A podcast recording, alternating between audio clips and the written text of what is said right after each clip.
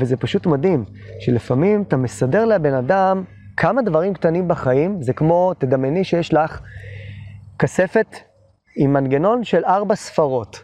יש אנשים ששלוש מהספרות הם כבר פתרו, וחסר להם ספרה אחת.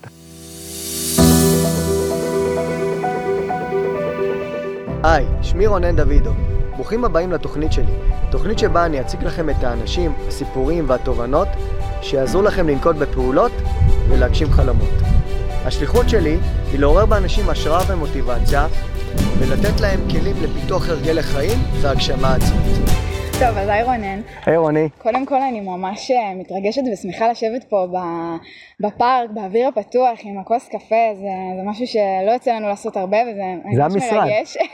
המשרד שלנו. לגמרי. אה, אז קודם כל, לפני שנתחיל, לפני הכל, בוא, בוא תגדיר לי, יש, אני רואה אותך בפייסבוק, באינסטגרם, בוואטסאפ, כל הזמן רונן, רונן, רונן בכל מיני uh, חזיתות. בוא תספר ותגדיר קצת מי, מי זה באמת רונן. בגדול רונן זה, זה איש של אנשים. זה אדם שאוהב לעבוד עם אנשים, וזה לא משנה אם זה בא לידי ביטוי בעולם הגופני כמאמן, או בתור אחד שמרצה ומכשיר את, ה, את הדור הבא של עולם המאמנים, או אחד שעוזר למאמנים אה, בצד העסקי והפיתוח האישי שלהם. אה, אפשר לומר איש חינוך, אחד שעוזר לאנשים להגיע מנקודה מסוימת לנקודה אחרת, לעבור איתם את התהליך הזה, ללמד אותם שהם יכולים לעשות את התהליך הזה גם בשלב מסוים לבד. אה, בגדול מאמן כושר, מוביל אנשים בדרך, וזו אומנות מסוימת, זה דרך שאתה מגלה כל הזמן עוד רובד ועוד רובד בעצמך, ואז אתה מגלה את זה גם בצדדים אחרים של אנשים. ומה בעצם משך אותך בתחום? למה בחרת דווקא את התחום הזה? איך זה התחיל? אני לא יודע אם uh, בחרתי את זה בצורה מודעת, אבל מה שכן אני יכול לומר, בגיל מאוד מאוד צעיר, בגיל 10, 10 וחצי ככה, uh, אני זוכר שאימא שלי שאלה אותי איזה חוג, אתה תרצה שנרשום אותך, אז הייתי ככה עם שיער חלק, אה, נראה כמו ברוסלי, היום יש לי תספורת של סטיבן סיגל, די מושפע מעולם אומנות לחימה, עם הכבלים של פעם מפעם. ומה שרציתי זה להתעסק בעולם אומנות הלחימה, ולא רציתי להיות בהכרח התלמיד, רציתי יום אחד להיות הסנסei הזקן, המורה הזקן, זה שכבר עבר דרך ומלמד. תמיד רציתי להיות זה שמלמד משהו שהוא, שהוא טוב בו והוא שולט בו, ולהעביר אותו לעולם הבא. ו... ובעצם תחום האימון, דרך האומנויות הלחימה, הלכתי וגיליתי את עצמי יותר ויותר, ולקראת הצבא ככה אה, הבנתי שבנוסף לעולם האומנויות לחימה, יש את עולם הכושר, שזה בעצם לקחת אנשים ולתת להם להתבטא בהרבה מישורים, בהרבה רבדים, לא רק בעולם הפיזי, אלא גם ברמה הרגשית וברמה האישית שלהם כבני אדם. ו... וזה מה שהוביל אותי לדרך הזאת, מעולם המון לחימה, לכושר, להרצאות, ו... וזה הרעיון בעצם. אוקיי, okay, אז הגעת לאומנויות הלחימה, התאהבת בזה, הגעת באמת להיות מאמן, היום יש לך קבוצות אימון כבר המון המון זמן מאוד מצליחות. אה, איך בעצם הגעת להיות בעל עסק בת... למאמני כושר, כזה שעוזר למאמני כושר? תראה, אני אגיד לך, אני, את הדרך שלי בעולם הכושר, בתעשיית הכושר, אה, אני התחלתי לקראת סיום התואר הראשון. זה היה, אני חושב, בסביבות 2006-2007,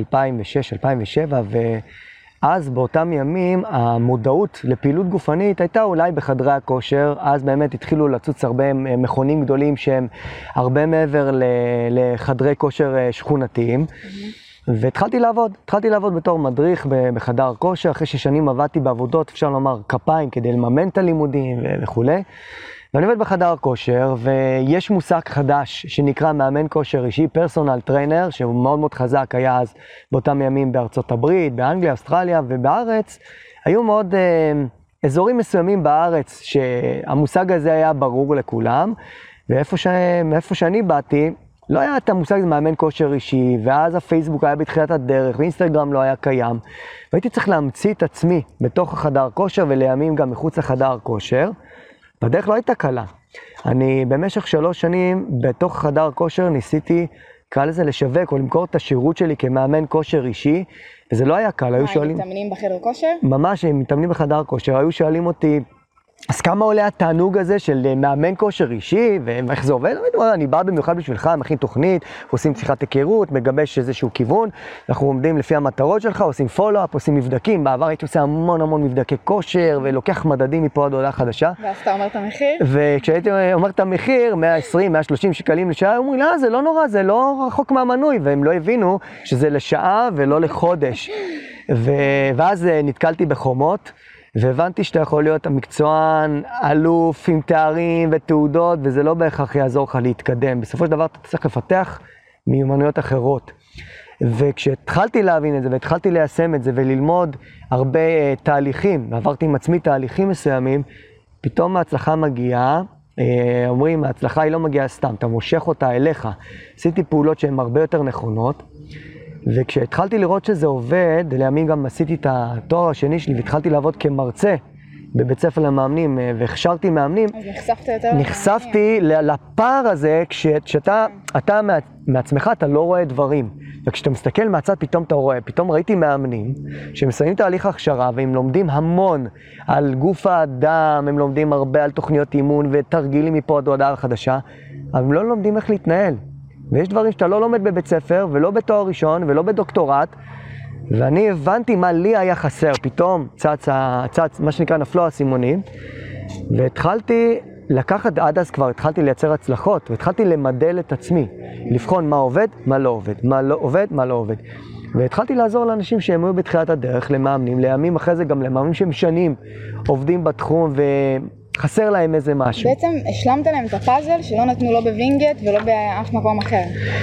כן, בעצם נתתי להם את החוליה החסרה שלי לקח שנים להבין אותה, וזה פשוט מדהים, שלפעמים אתה מסדר לבן אדם כמה דברים קטנים בחיים, זה כמו, תדמייני שיש לך כספת עם מנגנון של ארבע ספרות.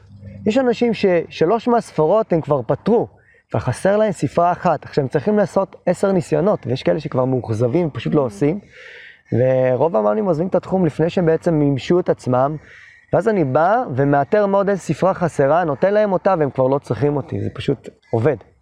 כן, אני זוכרת שהתחלתי את הדרך, תמיד היית אומר לי, יש הבדל בין להיות מאמן כושר לבין להיות בעל עסק, זה שני כישורים שונים לחלוטין, שגם אותם צריך לרכוש.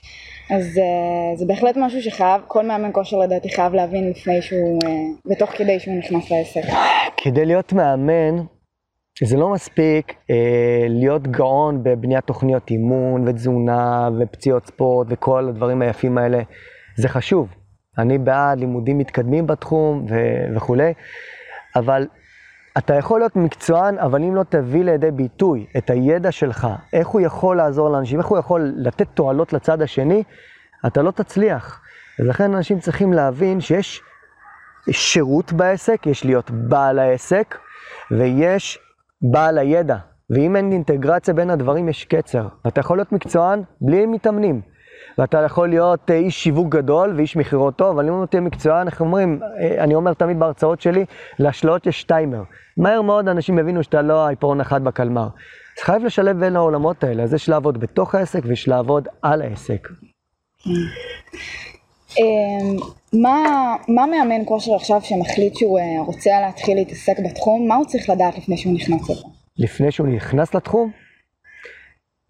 הוא צריך לחשוב פעמיים, אפילו שלוש, אם יש לו סבלנות ואורך רוח. לעבוד עם אנשים, אני בטוח שאנשים יצפו בזה, יכול להיות מתאמנים שלי, יכול להיות מאמנים. לעבוד עם אנשים צריך המון המון סבלנות, ואתה צריך כל הזמן להתאים את עצמך. וממש כמו זיקית, אומרים, אומרים כמים פנים אל הפנים, כך לב האדם אל האדם. אם אתה לא יודע להתאים את עצמך לאנשים, אתה בבעיה. עכשיו, שלא ייתפס פה שאנשים יקשיבו ל, ל, לשיח הזה ויגידו, אה, אני צריך להיות מישהו אחר, לא, תהיה אתה. נכון. שמור על מי שאתה, על הערכים שלך, על מה שאתה מאמין, על מי שאתה בעולם, אבל אתה חייב להתאים את עצמך לאנשים. יש אנשים שהם קצרים, יש אנשים שהם יותר אה, נינוחים, אתה צריך להתאים את עצמך. ואם אתה לא איש של אנשים, אל תיכנס לעבוד בתחום. כי קודם כל אתה תזיק לעצמך, דבר שני אתה תזיק לאחר, ולא חסר אנשי מקצוע שגורמים יותר נזק מתועלת לאנשים. לא רק ברמה הפיזית, אלא גם ברמה המנטלית. לעבוד עם אנשים זה... אתה אסור שלך אגו גם במקום הזה. את האגו אתה צריך לשים במגירה. וזה דבר שאני למדתי דווקא מתחום אמנות לחימה. ברגע שמאמן נתפס בעל אגו, זה עניין של זמן שפשוט אה, יבחרו מישהו אחר במקומו. צריך להיות צנוע, ודווקא ההפך הוא הנכון. אדם, אומרים שמי שבורח מהכבוד, הכבוד מגיע אליו. ואתה צריך להיות צנוע, אבל עם זאת, עם כריזמה, עם יכולת לעמוד מול אנשים, זה לא משנה מול מתאמן אחד או עשרים מתאמנים בפארק או בסטודיו. אתה צריך יכולת לעמוד מול אנשים בצורה מאוד אסרטיבית, אבל כמו מים.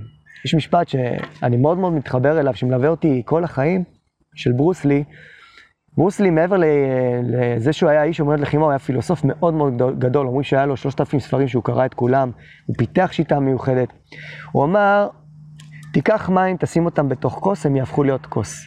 תמזוג מים לתוך קנקן תה, הם יהפכו להיות קנקן תה. תמזוג אותם לבקבוק, הם יתפסו את הצורה של הבקבוק. מים יכולים לגעוש, לרעוש ולהתפרץ ולהיות אגרסיביים, ומים יכולים להיות עדינים. be like water, my friend. כך הוא מסיים את אחד הרעיונות האחרונים שלו, ו- וזה בדיוק חוזר לנקודה הזאת, אתה צריך להתאים את עצמך, ו- ולדעת גם להכיר את עצמך. אם אתה לא מכיר את עצמך קודם, אל תצא מהבית. וזה תהליך.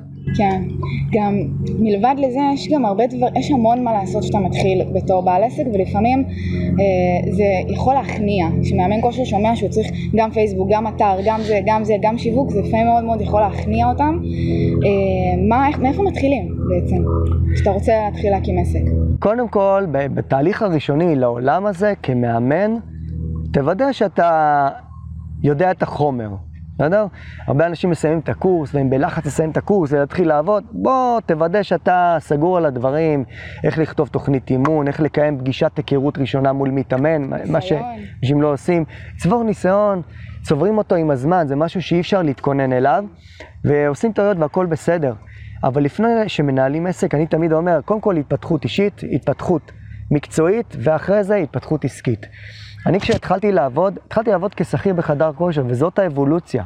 האבולוציה של מאמן לראייה שלי, זה לא ישר סיימתי קורס, לפתוח סטודיה לאימונים אישיים, זה גרוע, זו החלטה גרועה גם ברמה המקצועית וגם ברמה העסקית. זה להתחיל לעבוד מול אנשים, להיות שכיר באיזשהו מקום, לא להתעסק בשיווק ומכירה ולהתקשר ללקוח ולליד חם וליד קר ואיך לכתוב פוסט משכנע וויראלי, להשתפשף, כי איש מקצוע. ולדעת ללמוד איך לתקשר עם אנשים שונים, עם מטרות שונות, עם בעיות בריאותיות שונות, עם הישגים ספורטיביים, הישגים לא ספורטיביים, בריאותיים, ואז הביטחון עולה. כל כך חשוב. וברגע שאתה הופך להיות איש מקצוע די מהודק ואין לזה סוף, אני אומר לך, גם כשאני אעשה את הדוקטורט שלי מתישהו, אני ארגיש תלמיד, תלמיד נצחי. ככל שאתה לומד יותר, אתה מבין כמה אתה לא יודע, אבל יש שלב מסוים, אני חושב שזה לוקח סביבות שנתיים, שנה וחצי, לכל אחד יש את הקצב שלו. שאתה מבין, אוקיי, כאילו, אני מוכן. ואז, כשאתה מעביר אימון, אתה לא חושב על האימון. אתה חושב על השפת גוף של המתאמן שלך. רגע, נראה לי הוא קם בבוקר קצת לא בזווית הנכונה, צריך להרים אליו טלפון מחר, לשאול מה נשמע, או הגיע הזמן לגוון באימון, או באזור, או בסביבה, ואז אתה מתחיל לחשוב מעבר לחשיבה של איש מקצוע. ואז תתחיל לחשוב על עסק. וכשאני אומר לחשוב על עסק, זה להציב מטרות וללמוד איך לעמוד בהן. לנהל את הזמנים שלך. לפני שיווק ומכירות, אנשים קופצים שיווק, מכירות. לפני זה. ללמוד תקשורת. כשאני אומר ללמוד תקשורת, אני תמיד היה לי תקשורת טובה עם אנשים. אבל לא ידעתי למכור, פחדתי מזה. אז ללמוד איך למכור נכון. ולא להרגיש כאילו אתה דוחף למישהו משהו, אלא עוזר לאדם להשתנות דרך תהליך של להביא אותו לשירות שלך. אז קודם כל להיות איש מקצוע. אחרי זה, להשלים מיומנויות. יש אנשים שהם מטבעם יודעים לשווק את עצמם טוב ולמכור טוב, אז אין להם בעיה, כן. הם צריכים להתעסק בניהול, בלשמר מתאמנים. אבל חייב גם, חייב את שלושתם, ובאמת בסדר הזה, שקודם להפוך להיות כל... מקצועי, ואז אתה פחות מתעסק בזה, והופך באמת להיות יותר בקטע של ה, אה, לראות, לתקשר, אה, להעמיק את הידע, ואז באמת אתה כבר כשאתה בעל עסק, כשאתה מכיר אנשים, יודע אנשים, יודע את המקצוע שלך, כבר יש לך מה לשווק ולמכור, מוצר טוב יותר. נכון, נכון, זה... זה מתחיל בתוכנו, ואחרי זה לצד המקצועי שבגלל זה הגענו לתחום. אני תמיד בווינגייט שואל בשיעור הראשון, תמיד, זה עוד מעט uh, עשור, אני אומר בכל קורס שאני מרכז בתחילה, אני אומר, תגידו, חבר'ה, יש פה מישהו שאימא ואבא אמרו לו, אתה יום אחד תהיה מאמן כושר? ואם יש כאלה שמראים את היד, זה פעם בכמה קורסים, זה אולי כי אבא או אימא או שניהם היו מורים לחינוך גופני, ואז אני אומר, או, יופי, יש עם מי לעבוד. אה, רוב האנשים מגיעים לתחום הזה מהלב. כן. אז בואו בוא נטפח את הדבר הזה. אוקיי, אז הבנו מה מאמן כושר צריך אה, לדעת ולהפנים לפני שהוא נכנס לעסק הזה.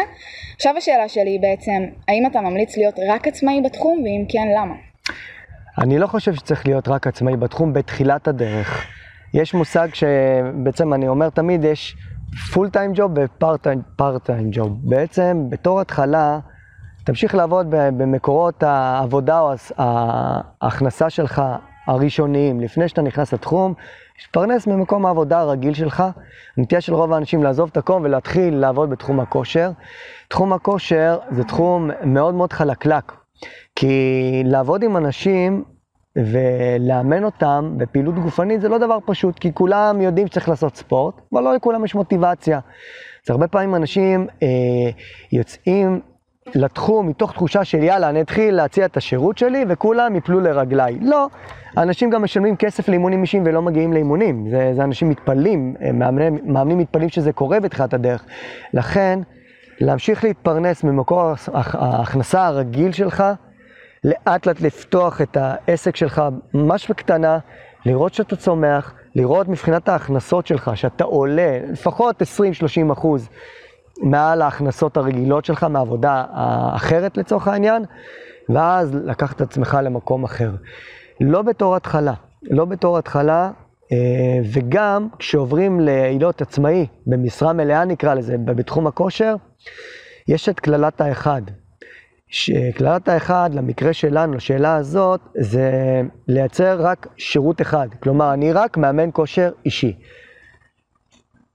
אה, יולי-אוגוסט, המתאמנים שלך בחו"ל או עם הילדים בבית, אתה לא מאמן כושר אישי ביולי-אוגוסט, או מאמן, מאמן אחר יאמר שבחגים הוא בבעיה גדולה. לא, זה לא טוב. אתה צריך להיות מאמן כושר שנותן מגוון שירותים ולא חסר פה רעיונות וצורות אה, לייצר הכנסות שונות בתחום, וזה הדבר החשוב ביותר. וכמובן, אה, יש עוד, קללת האחד יכולה להגיע לעוד הרבה אה, מובנים אבל בגדול לא לתת שירות אחד, אם כבר עוברים להיות uh, נטו בעלי עסק. אז בעצם כן להמשיך עם ההכנסה שיש לי כרגע, לפתוח את העסק לאט בהדרגתיות, חד משמעית. ולא לעזוב את הכל, כי אני סיימתי עכשיו לימודים בווינגייט ו... ממש ממש ממש לא. תראי, אני אגיד לך, יש הרבה, יש הרבה אמירות של כל מיני מנטורים וגורואים שהם אומרים שכדי לכבוש את האי אתה חייב לשרוף את הספינות. זה אומר, תעזוב את הכל ותתמקד ולך ברבק, אני קורא לזה לרוץ על החיים שלך ב-200 קמ"ש. אני לא אומר שזה לא בסדר, יש אנשים שזה מה שהם צריכים, הם צריכים לעזוב את העבודה ולעוף על החלומות שלהם. אבל uh, זה אחוז מאוד מאוד קטן, כי לא כולם יכולים להתמודד עם הקשיים, ולכולם יש קשיים בהתחלה. אז uh, רוב האנשים, אני מציע שיעשו את השיפט הזה בעדינות, אבל uh, מי שיודע על מה שדיברתי, אני מהטיפוס, מהטיפוסים האלה שהחלטתי ללכת על משהו, אני שורף את הספינות, שלא יהיה לי דרך לחזור חזרה, ואני כובש את האי. אבל אה, זה גובה מחירים. לא כל אחד יכול אה, לשלם את המחירים האלה. אז לכן אני אומר, הדרך הבטוחה והנכונה, וזה בסדר, לאזן בין העולמות. זהו, זה, זה מה שיפה, שאין רק דרך אחת. לא אין דרך אחת. מ-100 ל-200, אפשר גם מ-100 ל-10, ל-20, ו- וזה בסדר, זה סוג של אנשים כאלה ש- שאם הם ילכו לפי הדרך של מ-0 ל-200, זה פשוט יכניע אותם מאוד מהר והם יעזבו את הכול. אני אתן לך דוגמה, לפעמים מגיעים אליי לקורסים בווינגייט, חבר'ה בגיל 45, 50, אפילו 60 ו- ויותר גם היה. אה, שהם מחליטים לעזוב חברה שלמה שמנכלו את השנים, שהקימו אותה. עם תנאים. עם תנאים, או עובדים במשרה אה, כשכירים, אבל עם תפקיד מבוסס, עם הכנסה יפה, עם משפחה, ילדים, והם מחליטים לעזוב את הכל ביום אחד, הם עושים את הקורס, עושים את הקורס, עוזבים את העבודה ובום. זה מסוכן. כן. זה מאוד מאוד מסוכן, במיוחד שיש לך אחריות, משפחה, ילדים, התחייבויות. אה, אז יש מעט אנשים ש... זה בסדר שיעשו את זה, כי הם בנויים לזה, זה ה-DNA שלהם, אבל הם מעטים מאוד. רוב האנשים, לאט לאט. אוקיי, אה, אתה מדבר באמת, אני רואה הרבה סרטונים שלך והרבה פוסטים שלך על כל מה שקשור לעולם השיווק, המכירות, כמו שאמרנו שזה חלק בלתי נפרד בלהיות מאמן. מה קורה אם אני לא מצליחה לאהוב לשווק ולמכור ואני פשוט אוהבת לאמן? מה קורה במצב כזה? אה, זו שאלה מעניינת. אתה לא צריך לאהוב משהו אה, כדי לעשות אותו ולהצליח בו. יש הרבה דברים בעבודה שלי שוואלה, אני לא אוהב לעשות. למשל, אם יש לי מתאמן שצריך לעשות אותו שיחת חתך יחסינו לאן, בגלל, לא משנה, כל מיני סיבות, וואלה, אני לא אוהב לעשות את זה, אבל לפעמים זה לטובתו. Mm-hmm. זה אומר לפגוש אותו לקפה מחוץ למפגשי האימון. יש רגעים שאתה צריך לעשות גם דברים שאתה לא אוהב בעסק. אין שום דבר לא מושלם בחיים. בסדר? אין מצב שאתה תעשה, בחרת את תחום, תחום חלומותיך והכל יהיה מושלם בדרך. יש דברים שאתה, וואלה, אה, לא הכל אה, ורוד. זה החיים. מי שלא יודע להתמודד עם זה, שימצא פינה אחרת, אה, מקום אחר. שיספר לי איפה זה, שיקרא לי. זה לא קיים. אז לכן, תראו, תראי, אם, אם בן אדם לא אוהב שיווק, לא אוהב מכירה, תלמד את זה עד לרמה שאתה יכול לייצר כניסה של עבודה, של שירות, תייצר צמיחה מאוד מסוימת, ותעביר את זה למישהו אחר, וזה בסדר. אני לא... כן ללמוד את הבסיס, ואז להעביר את זה. אתה חייב, את חייבת. אם את רוצה להצליח במשהו, בלי להבין איך לשווק אותו ואיך למכור אותו, כי בהתחלה כל עסק, כל עסק, אתה זה העסק. אם ניקח את המייסדים של החברות הכי גדולות בעולם, סטיב ג'ובס ו- וכל החבר'ה הטובים, כן. הם היו צריכים להבין שיווק ומכירה. הם אהבו את המוצר, בסדר?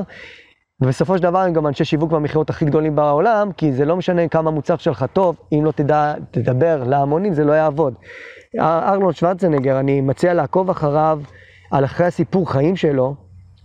אה, אני תמיד זלזלתי, שחקן, מר עולם, בסדר, אבל יש לו סיפור מרתק, והוא אמר, כדי להצליח בחיים, אתה צריך לעשות עבודה טובה, כלומר לתת שירות טוב. ופשוט לדבר על זה הרבה, זה שיווק. Okay. נכון. עכשיו, אם בשלב מסוים אתה אומר, זה לא אני, אין בעיה. אז יש אנשי יחסי ציבור, יש היום, לא חסר אנשים שמקדמים בפייסבוק, מדיה חברתית, כן. אבל אתה צריך להיות מספיק חזק כדי לשלם גם לאנשים האלה. אז בתור התחלה, כן. אה, צריך משמעת עצמית. זה לעשות מה שצריך לעשות, מתי שצריך לעשות, בין אם מתחשק לך או לא מתחשק לך. אם זה לא עובד, תהיה שכיר. כן. בתור התחלה באמת אתה, אתה אין לך עדיין צי של משווקים מאחוריך, אז אתה חייב לעשות, לעשות זה שעושה את זה. אולי באמת אפשר להגיד ש... היום אנחנו רואים כשיווק כמשהו מאוד דוחף, משהו מאוד אה, נכון. קשה, משהו מאוד לא נעים. כאילו לא אמיתי. כן, משהו לא אמיתי, לא אותנטי, כאילו באמת משהו אה, תחמני כזה. אולי באמת צריך לשנות את הגישה ולהבין שלשווק זה בעצם, כמו שאתה אומר, לעזור, לדבר על העסק, או, או אל תגיד אני משווק את העסק שלי, תגיד אני עוזר לאנשים כמה שיותר, ואז אוטומטית החשיבה והגישה של זה הרבה יותר נעימה. תראי, ברגע שאנחנו חושבים שיווק, הרי... אה, אני לא למדתי מעולם NLP, אבל אני יודע שב-NLP אומרים שהשפה מעצבת את הרגש. ואם המילה שיווק עושה לי רע, אז אל תקרא לזה שיווק, תספר לחבר'ה. אוקיי, הנה עכשיו המצאתי מושג חדש, אני צריך לעשות עבודה בבית, או מחוץ לבית, ולספר לחבר'ה על משהו שאני אוהב לעשות. דרך אגב, ג'ון ויטלי, ג'ון, ג'ון ויטלי, גם גורו בפני עצמו, באמת אדם מאוד מיוחד, אחת ההגדרות שלו של, לשיווק, זה לספר לאנשים את מה שאני אוהב לעשות, אוקיי? וזה מאוד מאוד יפה. זה לספר לחבר'ה, ומכירה, אני סלדתי ממכירה, בגלל זה גם לא הייתי טוב במכירה, כי הרגשתי שאני דוחף את, את, דוחף את עצמי. כן, יש לנו את הקונוטציות של האלה שדופקים בדלת ודוחפים לא לך למכור. לא צריך למכור.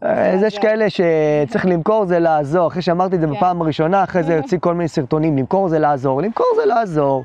זה למכור זה לתת ערך. היום אנשים מדברים לתת ערך, עוקבים אחרי טוני רובינס והרבה מנטורים גדולים, אדין ואליו, סבבה, לתת ערך. אז אנשים נותנים ערך, אבל הם לא מבינים מה המשמעות. לתת ערך, לתת ערך זה להסתכל בעיניים של האדם שאתה רוצה למשוך אליך. ולחיות את כאבו, ולהבין אותו, ולהיות אמפתי לדברים שלו. ואז ברגע שאתה מדבר בצורה כזאת, תראי, בעולם המכירות אומרים ככה, אתה לא צריך למכור את המוצר, אתה צריך לשכנע את האנשים שאתה מאמין בשירות שלך. כי אנשים לא קונים את המוצר, הם קונים את איש המכירות. Mm-hmm. אז אתה לא אוהב להיות איש מכירות, אל תהיה איש מכירות. אף אחד לא ביקש ממך, אני לא איש מכירות. אני לא קורא לעצמי איש מכירות. למה? אני פשוט מספר לאנשים משהו שאני אוהב לעשות, אני מספיק מתלהב מהבטן על זה, זה פשוט מושך אותם. ומי שלא, כנראה... לא צריך. זה לא צריך להיות. כן. יש אנשים אחרים, וזה בסדר. אוקיי, אז uh, יש הרבה מאמנים, וגם אני חוויתי את זה בתחילת הדרך, שבכל זאת יש מסביבך קבוצה של אנשים, גם אם זה מאמן אישי וגם אם זה קבוצה, איך אתה גורם באמת לאנשים להתמיד באימונים, ליצור משמעת באימונים, להיות uh, נאמנים אליך ולסובבים, איך זה קורה בעצם?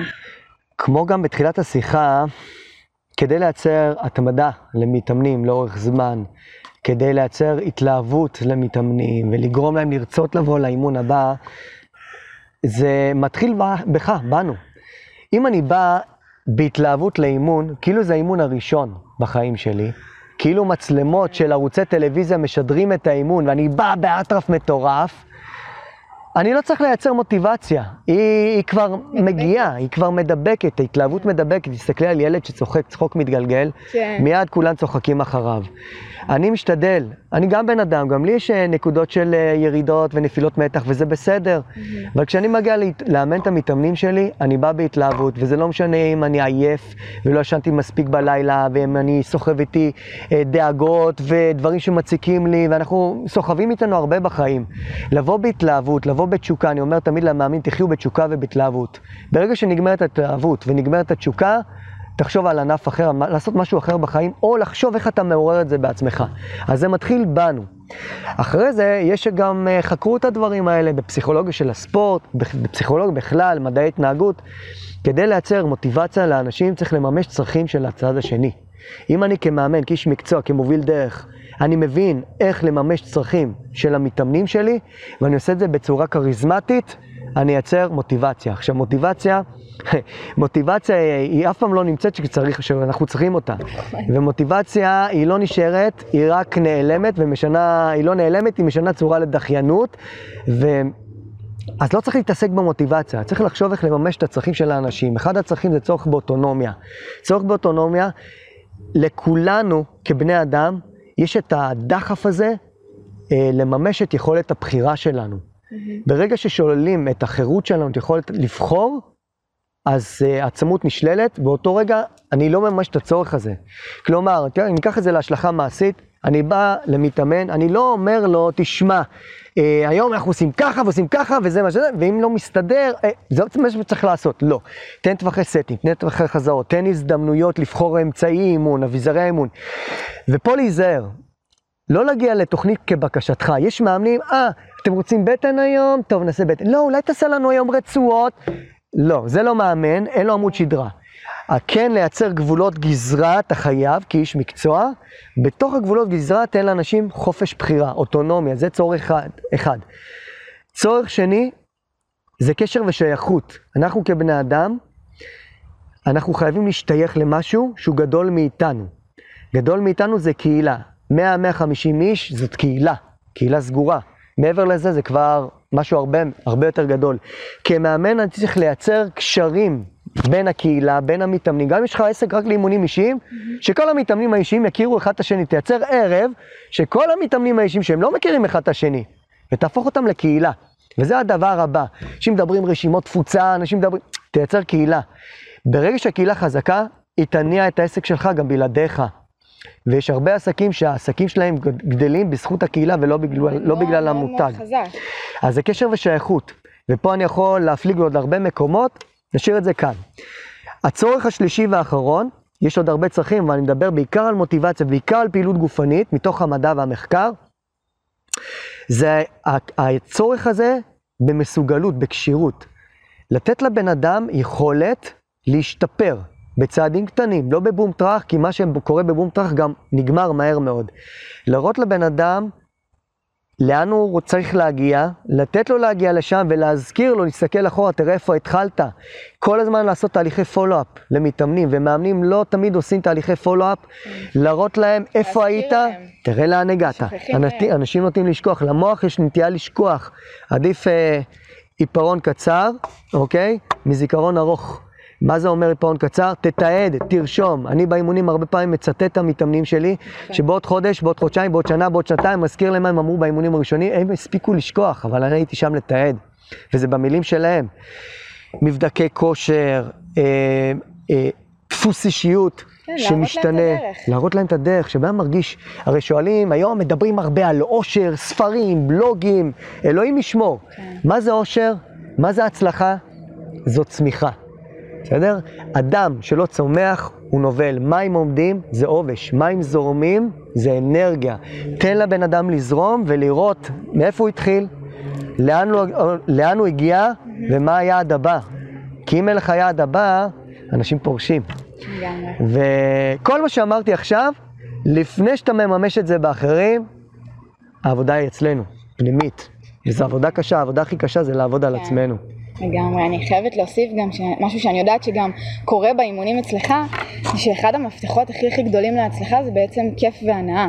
שאנשים ייהנו באימונים ויהיה להם עניין וגיוון, ואני יודעת שזה גם קורה אצלך, וגם לקחתי את זה לעצמי לעסק, ובאמת לקוחות אומרות לי, רוני, כשכיף מתמידים, ובמקום שלא כיף לך אתה פשוט לא תתמיד. המניע העיקרי להתמדה בפעילות גופנית זה הנאה.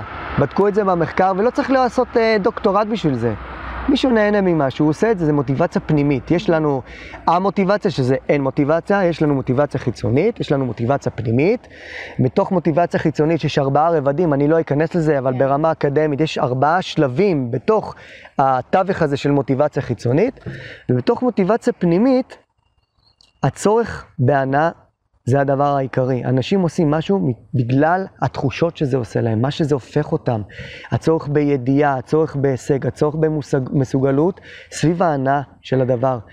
הקונספט שלי באימונים, בקבוצות, מעל עשר שנים, זה כל אימון במקום אחר. כל אימון הוא תוכן אחר, הם אף פעם לא יודעים איפה יהיה האימון הבא, הם אף פעם לא יודעים מה יהיה האימון. אם נפגשים בחוף הים, אני לוקח אותם לצוקים. אם האימון בצוקים, אני לוקח אותם לחוף הים. מגיעים לחוף הים, הם חושבים שהולכים לצוקים, אני עושה להם אימון בחוף הים. אני משגע אותם. הכל מתוכנן. עכשיו, זה לא שעשוע, וזה לא תוכנית כבקשתך, וזה לא אימון כיפי ומעניין, זה נחמד וזה חשוב, אבל יש סרגל מאמצים, יש תוכנית אימון, יש פירודיזציה, מונחים מעולם הכושר הגופני, ומתורת הכושר הגופני, זה חייב להיות שם.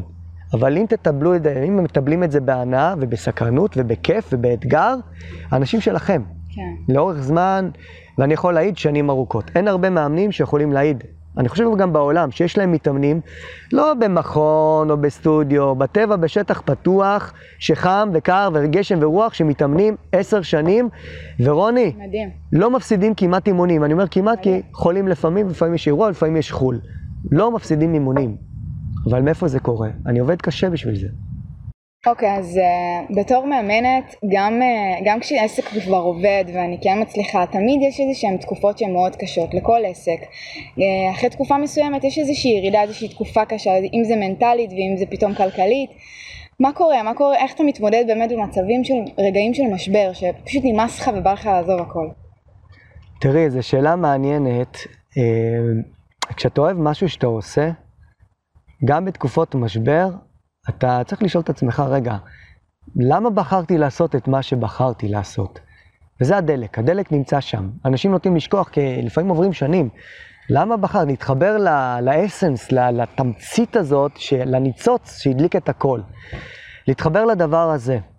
והשנה סגרתי גיל 40. קוראים לזה, מה? משבר גיל ה-40. אני קורא לזה מגבר גיל ה-40. ולמה מגבר גיל ה-40? כי אתה צובר תובנות במהלך הדרך, והתובנות מגיעות מהמקומות החשוכים. לא ניכר האור, אלא מתוך החושך. הכי, הכי חשוך לפני עלות השחר. ויש עוד הרבה משפטים יפים. למה אני אומר את זה? בנקודות של משבר, שם נמדדים, נמדדים אנשים. והם יודעים בתקופות של קושי, והיה לי תקופה שקבוצה שלמה התרסקה באחד המבצעים של צה"ל באיזשהו קיץ, והיה לי תקופה שהיה לי פיצוץ מטורף בין המתאמנים שלי, פיצוץ מטורף. ואני מול הפרצוף שלי באמצע האימון, בגלל חגיגות היום הולדת שלי, שהחליטו לעשות משהו מטורף, היה שם. וכמעט העסק התרסק בגלל היום הולדת שלי, וזה משבר. כאילו, אני... יש הרבה סיטואציות, סיטואציות בריאותיות, משפחתיות, כלכליות. להתחבר לרגש הראשון שממנו הכל התחיל. עכשיו, זה לא איזה משפטי מוטיבציה, זה ממש זה. להזכיר את הלמה, את הסיבה. להסביר את הלמה, אם יהיה לך את הלמה, תוכל לשאת קולך. אמר ניטשה, ויקטור פרנקל, הוא כותב את זה בספר אדם מחפש משמעות, וכדי להיות חזק במקומות האלה, לא לחכות למשבר. ג'ים רון, אחד המנטורים הגדולים להתפתחות אישית, הוא אמר, החיים של האדם הם כמו עונות השנה. אתה חייב להתכונן לקיץ בחורף, אתה חייב להתכונן לחורף בקיץ. אתה לא יכול לעצור, כל הזמן להיות בתנועה. וכשאדם נתקע בתקופת משבר, הוא חייב לש... לשמור על תנועה מסוימת. ודיברנו מקודם על מוטיבציה, הנה זה הנקודות שאין מוטיבציה, מוטיבציה לא נעלמת, היא, היא עוברת לדחיינות ובמגבר היא לסופר דחיינות. מה שמחזיק אנשים זה לא המוטיבציה, זה הרגלים. זה הרגלים, איזה אוקיי. איזה הרגלים משרתים אותך באמת? הרגלים, זה, זה, זה, הרגלים הם הרגלי חיים, זה לא בהכרח עסק. כן. הרגלים זה למשל לצאת מהסיטואציה, קורה משהו, אני יוצא מהסיטואציה, אני מתנתק מהסיטואציה ואני מסתכל עליה מהצד. ולפעמים אתה לא יכול לעשות את זה כי אתה נמצא בביצה. ואומרים כדי לצאת מביצה, אתה לא יכול, לא, לא יכול לצאת לבד כשאתה מתחיל לטבוע, אתה צריך יד מבחוץ שתוציא אותך. אז לבוא ולהיות גבר ולהגיד וואלה, אני לא יודע מה לעשות, וללכת למישהו שיוביל אותך. זה לא חייב להיות מנטור באלפי שקלים לשעה, זה יכול להיות חבר טוב, חבר נפש, זה יכול להיות ספר, אוקיי? אני זוכר, באחת התקופות הקשות בחיים שלי, לא היה לי כסף לשיחות יוצאות בטלפון בתקופה של הלימודים, רצי בין עבודות, שלוש-ארבע עבודות, ש... שבעה ימים בשבוע, ארבע-חמש שנים, ב... לממן את התואר הראשון, ונכנסתי למינוסים ולחובות, ואני ילד בתחילת הדרך, קראתי, קניתי ספר איך לצאת מהמינוס. דיבר אליי, כי הייתי במינוס, המינוס שלי היה מינוס מנטלי. וכי חייתי בפרדיגמות שאין כסף, גדלתי בשכונה מאוד מאוד קשה, ומציאות לא, לא קלה, וחייתי בתוך עולמות כאלה. וספר עזר לי. ופתאום אתה קורא איזה פוסט של מישהו שכתב מעבר לחוף, שהשיג מה שאתה רוצה לעשות, שהוא אצלך בחלום, ומשפט אחד שמשנה לך את התפיסה, ואז אתה יוצא לאט לאט, לאט לאט. לא יוצאים ממשבר ביום אחד בבום טראח. זה עוד שלב, ועוד צעד. כל הזמן צריך להזין את עצמך, כל הזמן. כל הזמן להזין את עצמך. לאנשים עשירים יש ספריות גדולות, לאנשים עניים יש טלוויזיות גדולות. תבחר מאיפה אתה מזין את עצמך, אוקיי? הסביבה שמעצבת אותך, לסביבה יש כוח מטורף, הרבה יותר מכוח רצון. אנשים שיפרגנו לך. לא להיות ליד אנשים שהם no sayers, כאלה שיגידו לך למה לא. אלא תהיה ליד אנשים שיגידו לך איך כן אפשר, מה כן אפשר לעשות, או למה, ולהזכיר לך את הדרך שלך.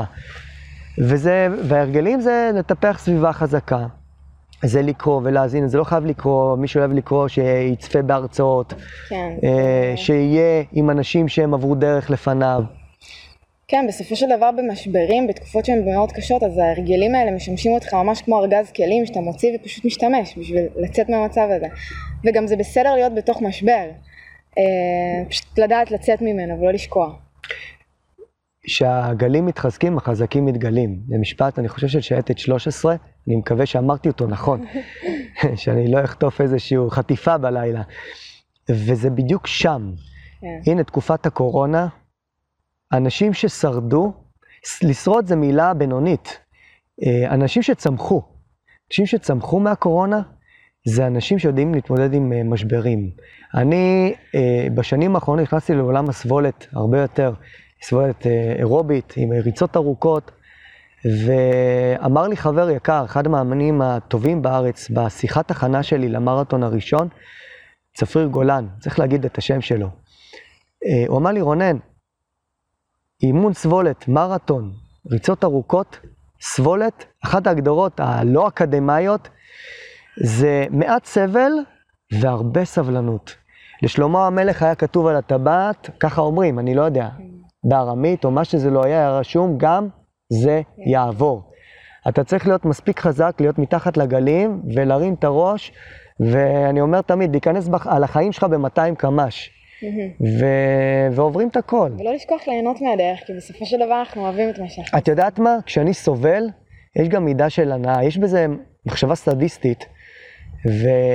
כי זה איזשהו אתגר שאתה פשוט...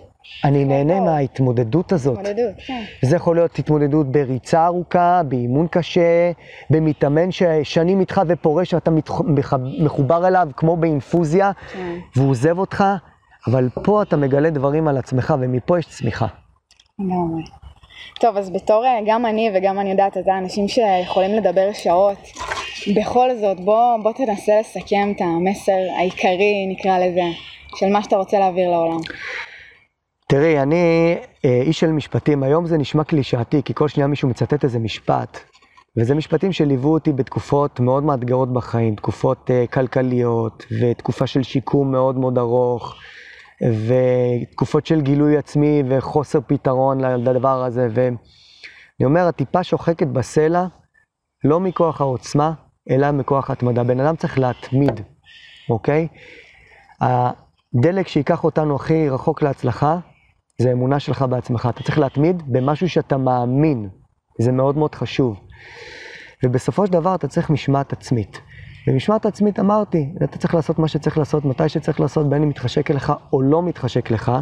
וכשאנחנו עובדים עם אנשים, זה משפט שמאוד מתחבר אליו, כי זה בעצם התמצית לדעתי בלעבוד עם אנשים. אף אחד לעולם לא יזכור מה עשית למענו, מה אמרת לו, אבל אף אחד לא ישכח איך גרמת לו להרגיש. ואם אני אקח ואני אסכם את הדבר הזה, זה לא משנה אם אתה מנהל חנות מכולת, מאמן כושר, קונדיטור או שכיר, זה לא משנה. בעל משפחה, כל דבר. אנחנו חיים בארבע עולמות, העולם הפיזי, העולם הרגשי, העולם המנטלי והעולם הרוחני.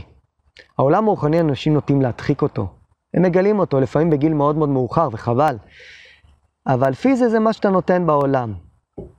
מנטלי זה מה שמסתתר מאחורי מה שאתה נותן בעולם. רגשי זה מה שמניע את העולם, רגש. וברגע שאני מניע אנשים, מהמשפט הקודם, אנשים לא ישכחו איך גרמתם להם להרגיש, זה חוזר אליך. זה חוזר אליך. הגדולה של בני אדם זה למצוא דרך לעזור להמונים. אמר את זה זיג זיגלר, אני חושב. אני חושב שברגע שנעבוד עם הרגש, זה מנוע הבעירה הגדול.